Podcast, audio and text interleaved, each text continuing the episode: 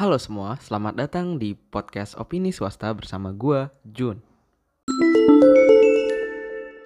Ya, jadi di podcast kali ini berhubung kita udah ngelewatin satu bulan awal di 2020 dengan segala masalah yang ada, mulai dari banjir, terus mulai kerajaan-kerajaan baru muncul, dan hingga isu yang paling bertahan nih sampai bulan Februari ini adalah coronavirus gue pengen ngasih tahu ke kalian tentang apa sih yang sebenarnya gue lakuin berbeda di 2020.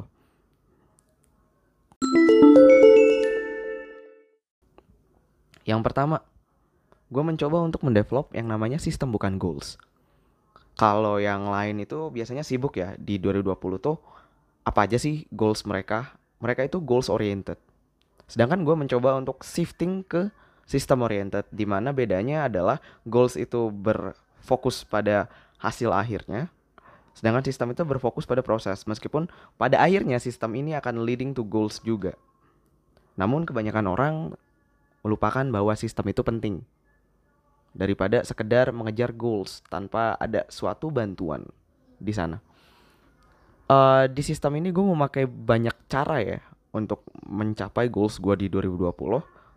Jadi gue membuat proses yang pada tahun sebelumnya itu 2019 gue nggak peduli proses yang penting gue bisa dapet dan gue nggak peduli jalannya gimana. Sekarang gue jadi peduli cara memframing diri gue kayak prosedurnya itu harus bener dulu baru gue bisa mencapai goals gue contoh yang paling gampang adalah mulai hidup minimalis.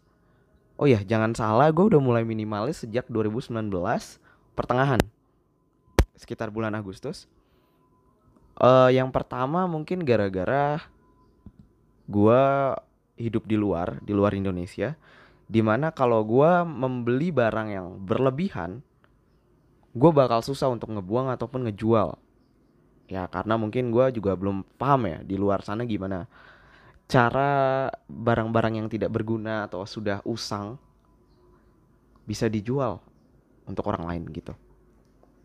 Yang pertama gue mulai mencoba untuk hidup minimalis dan di 2020 benar-benar gue terapin di Indonesia.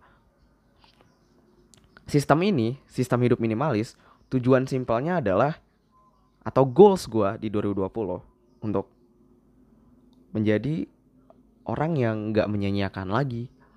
Hal-hal yang memiliki value bagi gue.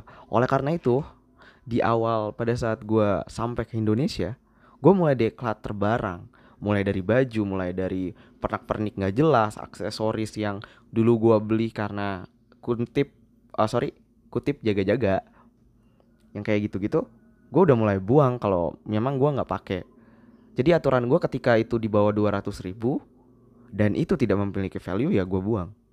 Regardless fungsinya itu someday akan ber berguna bagi gue. Ya gue rasa di bawah 200 ribu ya udahlah ya. Itu yang pertama, contoh pertama. Lalu gue juga mencoba menjadi orang yang terplanning bener-bener terplanning gitu. Dari pengalaman gue solo traveling di mana lu nggak bisa ngandelin siapa pun selain diri lo untuk goals gue yang kedua gue harus menjadi orang yang sangat terplanning dan menyiapkan the worst case di mana gue waktu dulu itu tipikal orang yang action dan planningnya tuh balance. Tapi sekarang gue mencoba merubah ke framework yang mendukung planning sesuatu. Gitu begitu juga untuk beberapa lini project yang bakal gue lakuin entah project bisnis maupun non bisnis di mana gue melakukan competitive analysis berdasarkan framework yang emang sudah ada. Mulai mulai nganalisis market ya biasa lah nganalisis market. Cuma sekarang sistem ini gue develop sampai nganalisis ke UX mikrokopinya. Di mana dulu nggak pernah gue lakuin sedetail itu. Kayak gitu. Jadi gue berfokus pada prosesnya instead of apa sih yang bakal gue dapat dari proses itu gue mencoba untuk menikmati proses ini supaya gue bisa mendapatkan pembelajaran Meskipun in the end, gara-gara gue mendevelop suatu sistem, bisa aja gue nggak nge-reach ke goals yang gue mau, tapi malah ke goals alternatif itu entah lebih baik atau malah lebih buruk.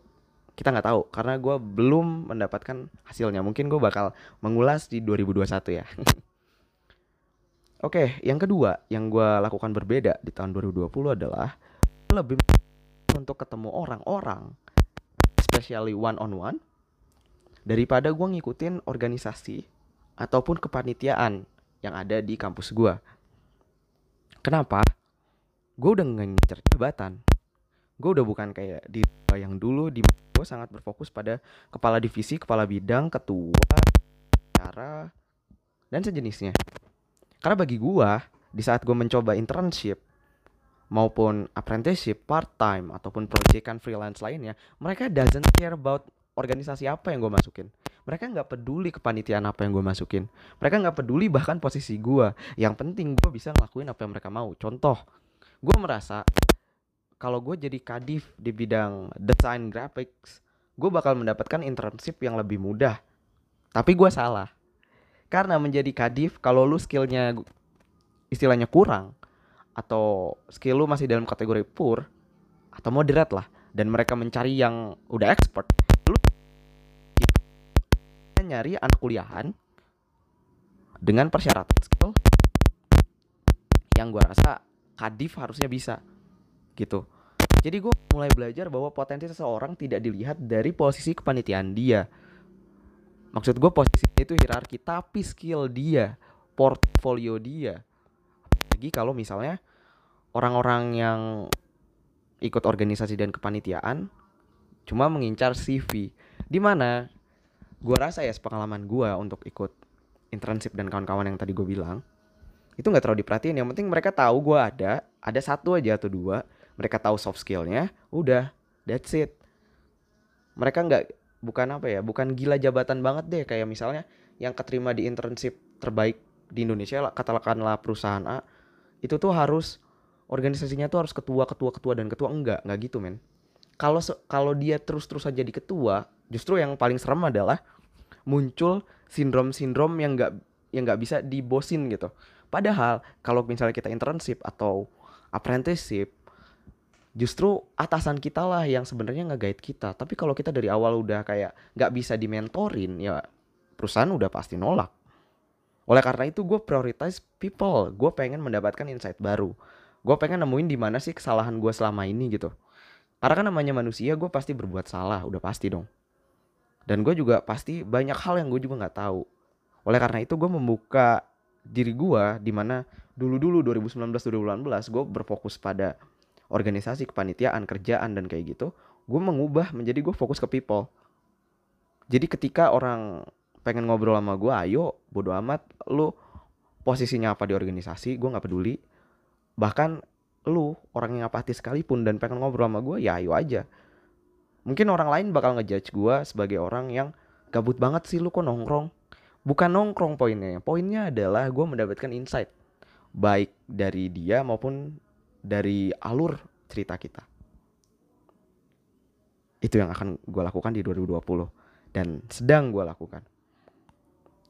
Yang terakhir apa yang gue lakukan berbeda di 2020 ini gue mencoba untuk merintis kembali portfolio gue yang dulu sempat tertinggal. Dengan cara gue nawarin jasa gue secara free. Mulai dari UI design, UX reset, UX writer.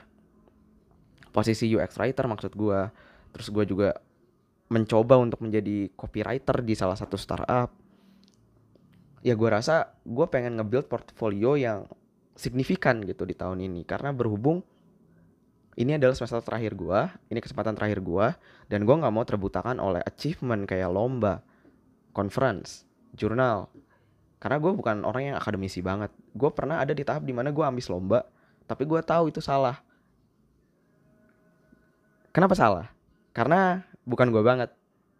Yang gue incar di lomba adalah sertifikatnya. Dan ternyata setelah gue terjun ke dunia nyata, sertifikat ya just sertifikat. Tapi kalau lu nggak bisa ngapa-ngapain kembali lagi skill set lu yang akan jadi masalah. Oleh karena itu gue mulai merintis portfolio dan advertise di platform yang benar gitu. Kalau orang lain mengadvertise di semua platform yang dia punya kayak di Instagram mereka show off mereka lagi ngapain lalu di LinkedIn mereka tunjukkan sehebat apa mereka gue nggak kayak gitu misal di desain gue berfokus pada Behance naikin jumlah impression di Behance. Lalu sebagai coder, gue mencoba untuk mengupload kode-kode gue ke GitHub, repository kayak gitulah semacam itu. sehingga orang-orang tuh bisa ngelihat seberapa clean kode gua dan di saat ada orang yang mau proyekkan nama gua GitHub gua lah yang gua tunjukin LinkedIn gua itu hanya brief. Tapi technical skill yang gue pengen tunjukin adanya di GitHub. Kayak gitu. Jadi gue bener-bener pakai platform profesional secara spesifik untuk menyasar market gue jadi gue nggak akan mungkin ngelakuin Instagram story soal apa yang gue lakuin. Emang dari dulu jarang sih gue lakuin. Mungkin sekarang gue apa ya gue tambahin jarang sih. Tambah jarang lah ngapain gitu. Karena gue ngerasa Instagram itu bukan target market gue dan gue nggak mau people punya expectation yang sangat tinggi terhadap gue. Gue udah pernah cerita kan, gue muak terhadap ekspektasi orang. Di mana masa seorang Jun nggak bisa gini, apaan sih? Emang Jun itu siapa sih? Sampai nggak boleh, nggak bisa sesuatu gitu. Dan gue kesel soal itu. Maka dari itu gue mulai dikit demi sedikit mencicil portfolio gue.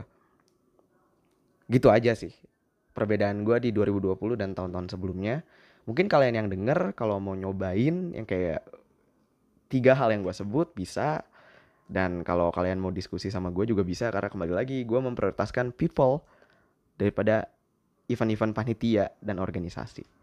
Gitu aja dari gue gue Jun pamit undur diri. Sampai ketemu di episode selanjutnya